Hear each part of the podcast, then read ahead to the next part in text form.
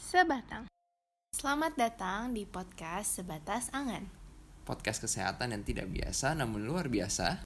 membahas isu kesehatan secara global dari sudut pandang yang tidak biasa. Di episode 4 kali ini, kita mau ada yang spesial nih kali ini, kedatangan tamu. Tapi sebelumnya itu mau cerita sedikit. Jadi awal-awal masuknya pandemi ini ke Indonesia, salah satu respon pemerintah untuk deal dengan kondisi ini adalah dengan menggunakan Wisma Atlet yang kita ingat waktu itu digunakan untuk Asian Games itu dijadikan sebagai rumah sakit darurat. Kita mau bahas tentang Wisma Atlet ini kan, tapi karena kita takut salah nih, jadi kita ngomonginnya dengan teman-teman kita yang udah pernah tugas di sana. Jadi kali ini kita mengundang teman kita, nggak cuma untuk ngebahas sedikit tentang ini, tapi juga ya kita ada diskusi-diskusi lah. Jadi di sini udah ada Kus sama Cecil. Jadi basically kita mau memberikan konfirmasi nih agar para sebatas pendengar Oh ya, jadi kita memanggil kalian pendengar-pendengar kita dengan sebutan sebatas pendengar. Uh, dan kita ini nggak salah kaprah gitu dan bisa mempunyai clear perspektif kali ya soal Wisma Atlet dan kita juga sangat ap apresiasi pemerintah yang sangat responsif dengan mengubah Wisma Atlet ini sebagai suatu rumah sakit darurat sebagai penanggulangan untuk pandemi ini. Dan sekarang silahkan Eci sama Kus boleh untuk memperkenalkan diri. Hai Do, hai Stel, hai Ci. Ya kenalin nama gue William Kuswara, biasa dipanggil Kus. Uh, gue merupakan dokter yang kemarin sempat bertugas di Wisma Atlet di gelombang yang kedua. Waktu itu gue bareng juga sama si Eci ya, kita sama-sama tergabung di dalam grup gelombang kedua relawan COVID-19 Wisma Atlet gitu. Halo, gue Cecil, uh, gue relawan Wisma Atlet dari waktu itu gelombang 2, terus kemudian lanjut gelombang 6. Jadi sekitar waktu itu mulai dari tanggal 30 Maret berakhirnya 26 Mei 2020 kemarin. Ya, oke. Okay. Uh, thanks sudah uh, mau bantu kita untuk uh, share sedikit bagaimana dinamika yang ada di Wisma Atlet ini um, kita kayaknya agak aneh kalau kita ngomongnya Wisma Atlet ya. Ini rumah sakit darurat uh, COVID-19.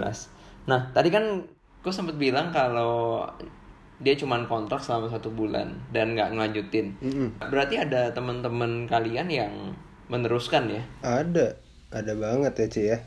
Mm. Yang sampai sekarang masih lanjut aja ada ya Ci ya. Sampai sekarang tuh masih ada lima orang dari temen gelombang kita yang masih sampai sekarang jadi udah mampir mau tiga setengah bulan mereka di sini ya itu dari 16 orang awalnya sampai tinggal lima orang ya sekarang yang masih sampai bertahan kalau kalian sendiri alasannya untuk gabung ke program ini seperti apa? Kalau gue sendiri sih waktu kemarin itu soalnya memang sebenarnya kan gue dinasnya sekarang lagi uh, sama pemerintah di Kalimantan Tengah di kabupaten gitu.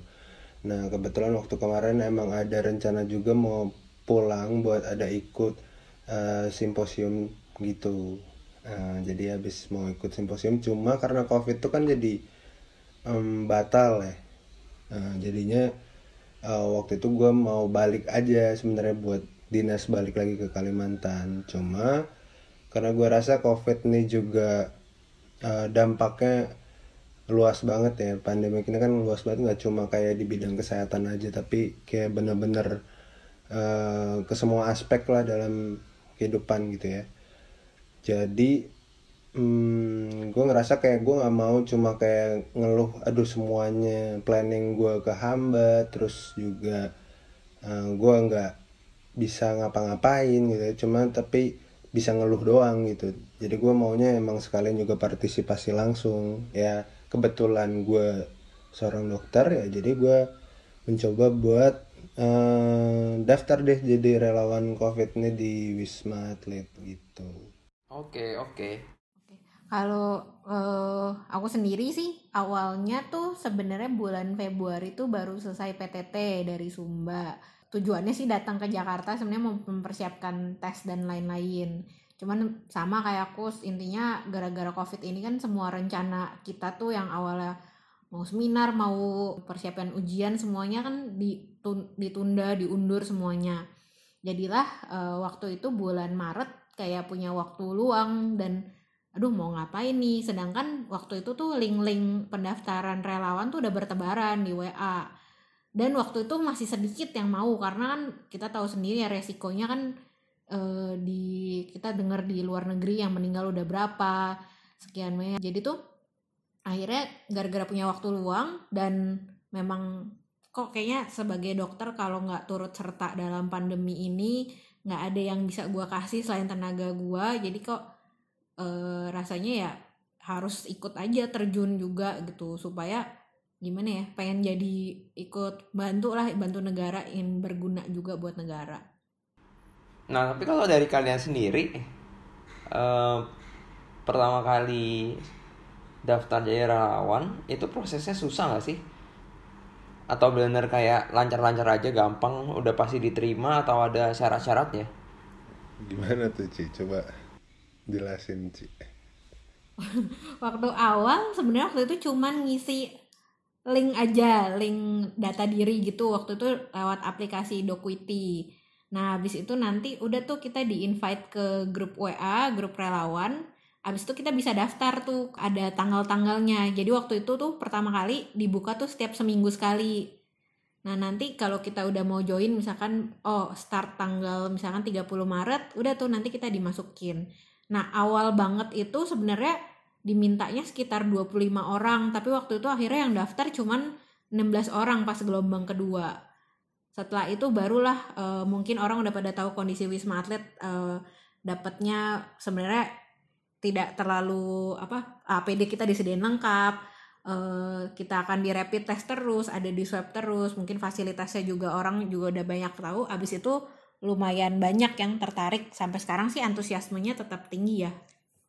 Sampai yang kayak relawan relawan-relawan sebelumnya kita ngomongnya alumni itu join lagi join lagi. Yang baru pun juga tetap banyak gitu yang mau ikut. Kalau gua waktu itu soalnya pas mau daftar karena info pembatalan yang simposium yang gue mau ikut itu pun uh, kayak telat dan kayak mendadak banget jadi gue juga daftarnya itu mendadak banget jadi waktu itu kayaknya kalian waktu itu udah pada kumpul duluan ya Ci dari tanggal 30 ya Ci ya? Mm -mm, nah itu udah berlima belas tuh awalnya. Nah. Udah lengkap. Iya nah. dari dari tanggal 30 sebenarnya nah gue justru baru daftar tuh tanggal 29 malam 30 gitu dan itu sebenarnya cenderung kayak iseng-iseng juga sih kayak ah coba aja deh daftar gitu jadi gue daftar dan itu sistemnya emang nanti kan bakal uh, setelah kita daftar ada kayak uh, form link gitu dikasih sama mereka nanti kita isi formnya itu sama kumpulan ada persyaratannya um, ya kayak KTP, STR, SIP gitu-gitu. Um, setelah udah dikirim semuanya nanti dikontak sama mereka. Terus dikontak dari WA, kayak dimasukin ke dalam grup gitu. Nah nanti di dalam grup itu nanti bakal uh, baru kita nunggu panggilan periode kita kapan gitu. Nanti mereka lagi yang follow up dan kontak lebih lanjut untuk um, kapan kita ditugaskannya kebetulan waktu pas kemarin itu ya karena gue langsung itu tanggal 29 malam mereka tanggal 30 nya udah datang ternyata tanggal 30 tuh gue di kontak dan hari itu juga langsung disuruh datang. Dan gue waktu itu masih sebenarnya aduh kayak mendadak banget. Padahal sebenarnya itu belum mantep banget mental gue waktu itu. Cuma akhirnya gue yain aja tapi uh, akhirnya 31 gue baru ikut uh, sama mereka gabung. Dan akhirnya baru resmi tugasnya dari tanggal 1 ya Ci ya? Hmm.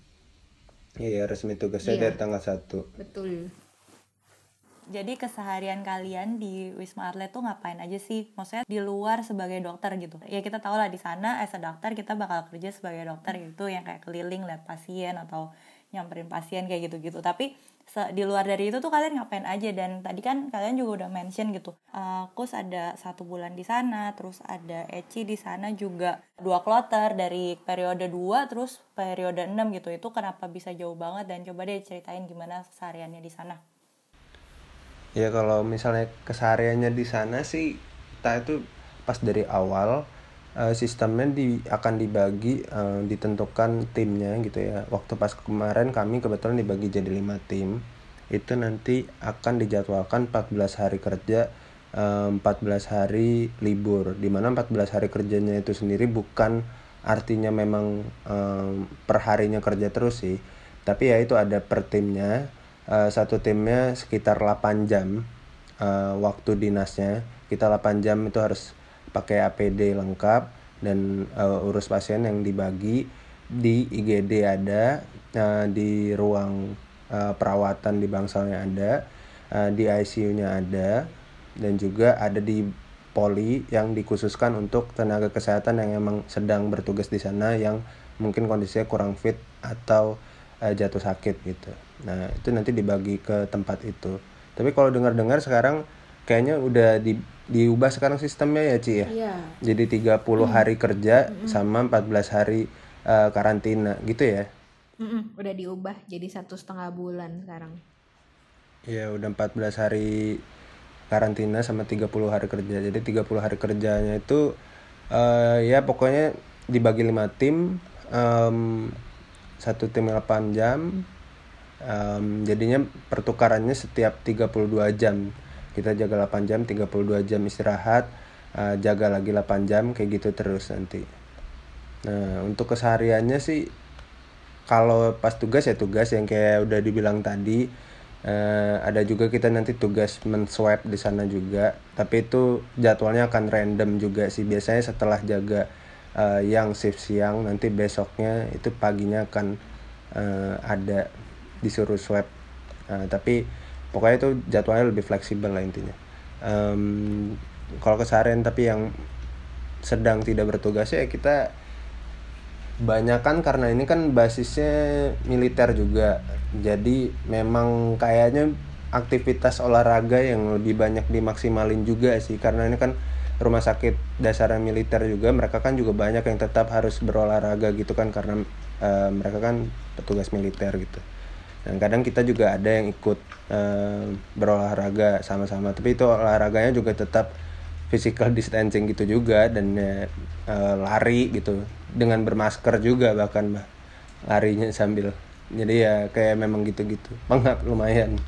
Ya pokoknya ngisi-ngisi waktu yang kayak gitu sih dengan uh, physical distancing sama memang kebetulan satu tim kami itu waktu pas dulu kompak banget ya Ci ya ya itu para kompaknya ya. Jadi kita memang sering menghabiskan waktu bersama ya tapi tidak juga uh, melupakan physical distancing juga sih. Kita tetap uh, sebisa mungkin physical distancing tapi ya paling ngobrol-ngobrol bersama tapi ya uh, saling curhat-curhatan lah setelah kerja gitu kan setelah dinas. Mungkin ada keluh kesah apa yang disampaikan atau yang dialami ya itu saling um, di sana mencurahkan sharing gitu ya yang kejadian yang sudah pas dinas tadi atau bahkan kita juga saling uh, berdiskusi tentang kayak sistemnya mungkin ada yang salah ada yang kurang atau penyediaan alat yang rasanya harusnya ada itu kita juga saling diskusi lagi di sana. Nanti kita infokan lagi ke leadernya gitu untuk uh, ditindaklanjuti.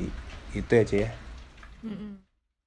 uh, terus tuh selama ngisi apa di antara jam kerja itu kadang juga banyak seminar, banyak apa sih pelatihan-pelatihan gitu yang diadain sama spesialisnya supaya GP-nya tuh dokter umumnya setara gitu pengetahuannya. Intinya eh, satu satu apa ya satu iya satu kata gitu. Kayak oh ngadepin pasien ini tuh tahap prosedurnya begini kalau di sini. Terus kalian kan di rumah sakit darurat yang ngurusin covid nih. Sebenarnya penasaran sih kalian takut nggak sih di sana? Awal sih takut. Ya takut takut ya. Waktu itu waktu inget banget tuh waktu pertama kali berangkat di taksi waktu itu kan gue sama Adrian sama Hendra tuh teman-teman apa sekampus juga.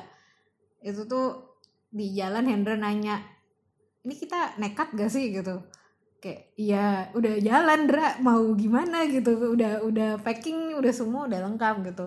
Sampai pas eh, pas pakai APD gitu kan ditekenin banget tuh di sana tuh di Wisma Atlet.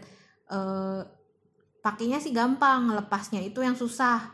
Lepasnya tuh harus begini-begini karena ketularan. Itu kepikiran banget setiap kali turun jaga ngelepas APD tuh kayak takut lepasnya salah malah pas jadi ketularan pas lepas intinya tuh sampai ada satu quote ya dari teman kita kalau eh, lu merasa nyaman di dalam APD berarti ada yang salah dengan pemakaian APD lu. Jadi emang bener-bener gak nyaman dan pas bukanya pun kayak contoh misalkan abis abis dekon dekontaminasi tuh kita kan diguyur tuh satu badan. Eh itu tuh gue pas mau ngelepas masker tuh kadang-kadang kayak ada ada yang muncrat lah gitu karena air-air dekontaminasi tuh itu ngeri banget.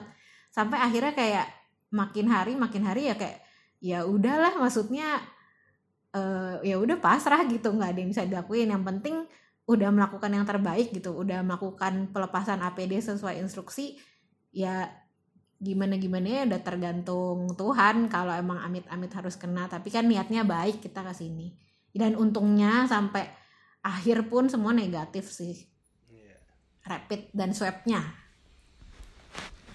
kalau kalau menurut gue sih waktu pas kemarin itu mulai pertama kali udah eh, takutnya dari daftar pun sudah langsung kepikiran sebenarnya. Soalnya pas daftar tuh ada form ada form kayak pernyataan bahwa kayak ya kayak inform consent bahwa kalau sampai ada kenapa-napa tanggung sendiri lah gitu. Kayak ibaratnya itu resiko memang udah harus sudah menyetujui dulu gitu kan.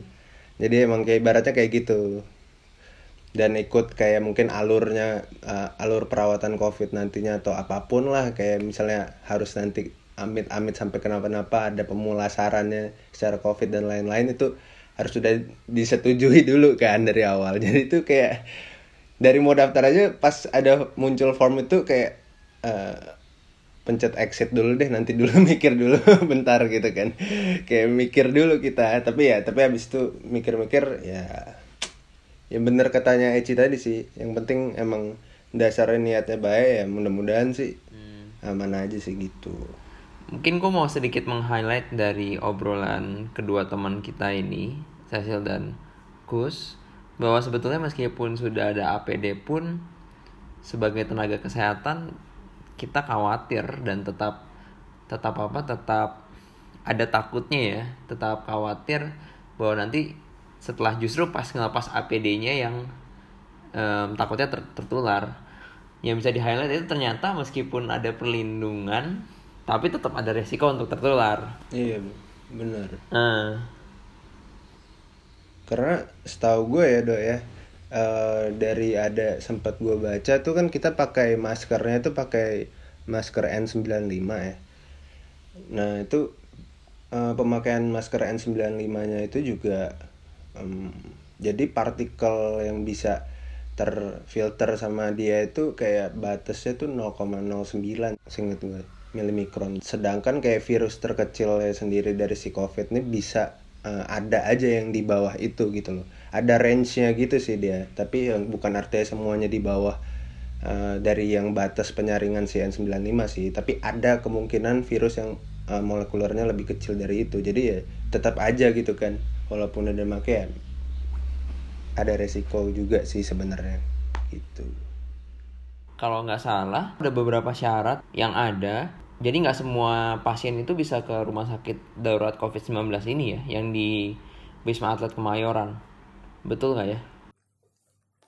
Eh, jadi tuh ada kayak beberapa syarat. Intinya terutama sih Wisma Atlet ini merawat pasien yang kategorinya ringan sedang sebenarnya ringan sih sedang pun juga nggak waktu awal banget kan memang belum ada banyak peralatan medis yang apa yang memadai ya di sini. Jadi memang eh, aslinya tuh merawat pasien yang ringan. Ya paling banter ya sedang gitu alasannya kenapa didirikan Wisma Atlet sebenarnya awalnya gara-gara semua rumah sakit kayak rumah sakit persahabatan rumah sakit uh, yang lain-lain yang harus jadi pusat rujukan covid itu nggak mampu menampung uh, semua semua pasien covid yang ada di Jakarta.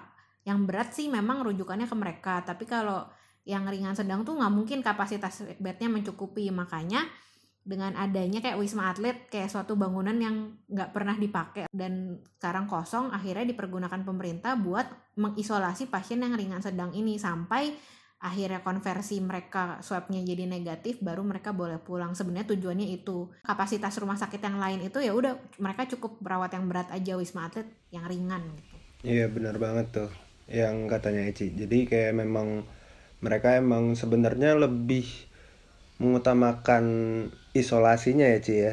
Iya. Jadi memang um, buat menyetop penyebaran virusnya ini kan jadi um, yang menularkan kan nggak hanya yang bergejala saja gitu kan bahkan ada yang OTG itu pun nggak menutup kemungkinan untuk memberikan um, gejala bahkan yang mendapatnya nanti mungkin kalau dengan um, beberapa faktor resiko tertentu yang memang sudah ada di dalam tubuhnya sendiri sebelumnya bisa nanti malah akibatnya lebih fatal daripada yang sebenarnya menularkan mungkin OTG aja gitu.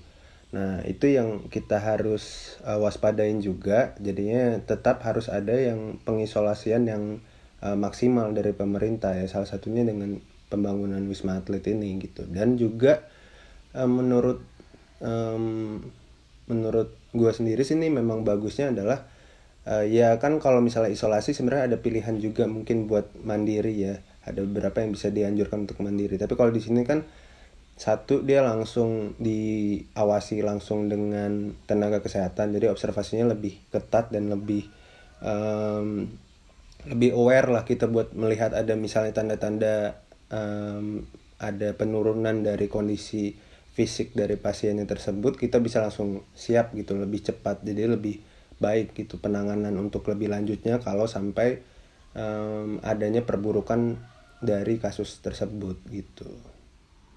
Berarti dari dari rumah sakit darurat itu bisa merujuk juga ya ke rumah sakit rumah sakit rujukan.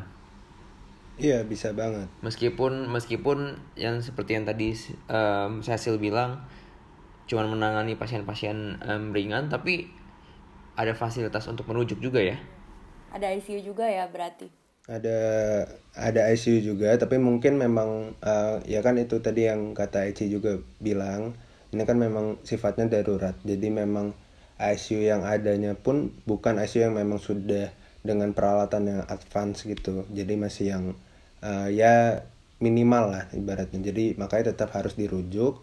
Dan memang untuk merujuknya itu jadinya lebih mudah. Karena mungkin ibaratnya kan channelnya jadi lebih banyak gitu ya. Karena semua pasti udah terhubung gitu. Udah kerjasama langsung dengan wisma atlet ini jadi lebih cepat juga penanganan untuk rujuknya lebih gampang opsinya lebih banyak gitu. Ya tindakan pemerintah pat diapresiasi juga yang pertama untuk bik, uh, responnya untuk bikin rumah sakit darurat ini ya.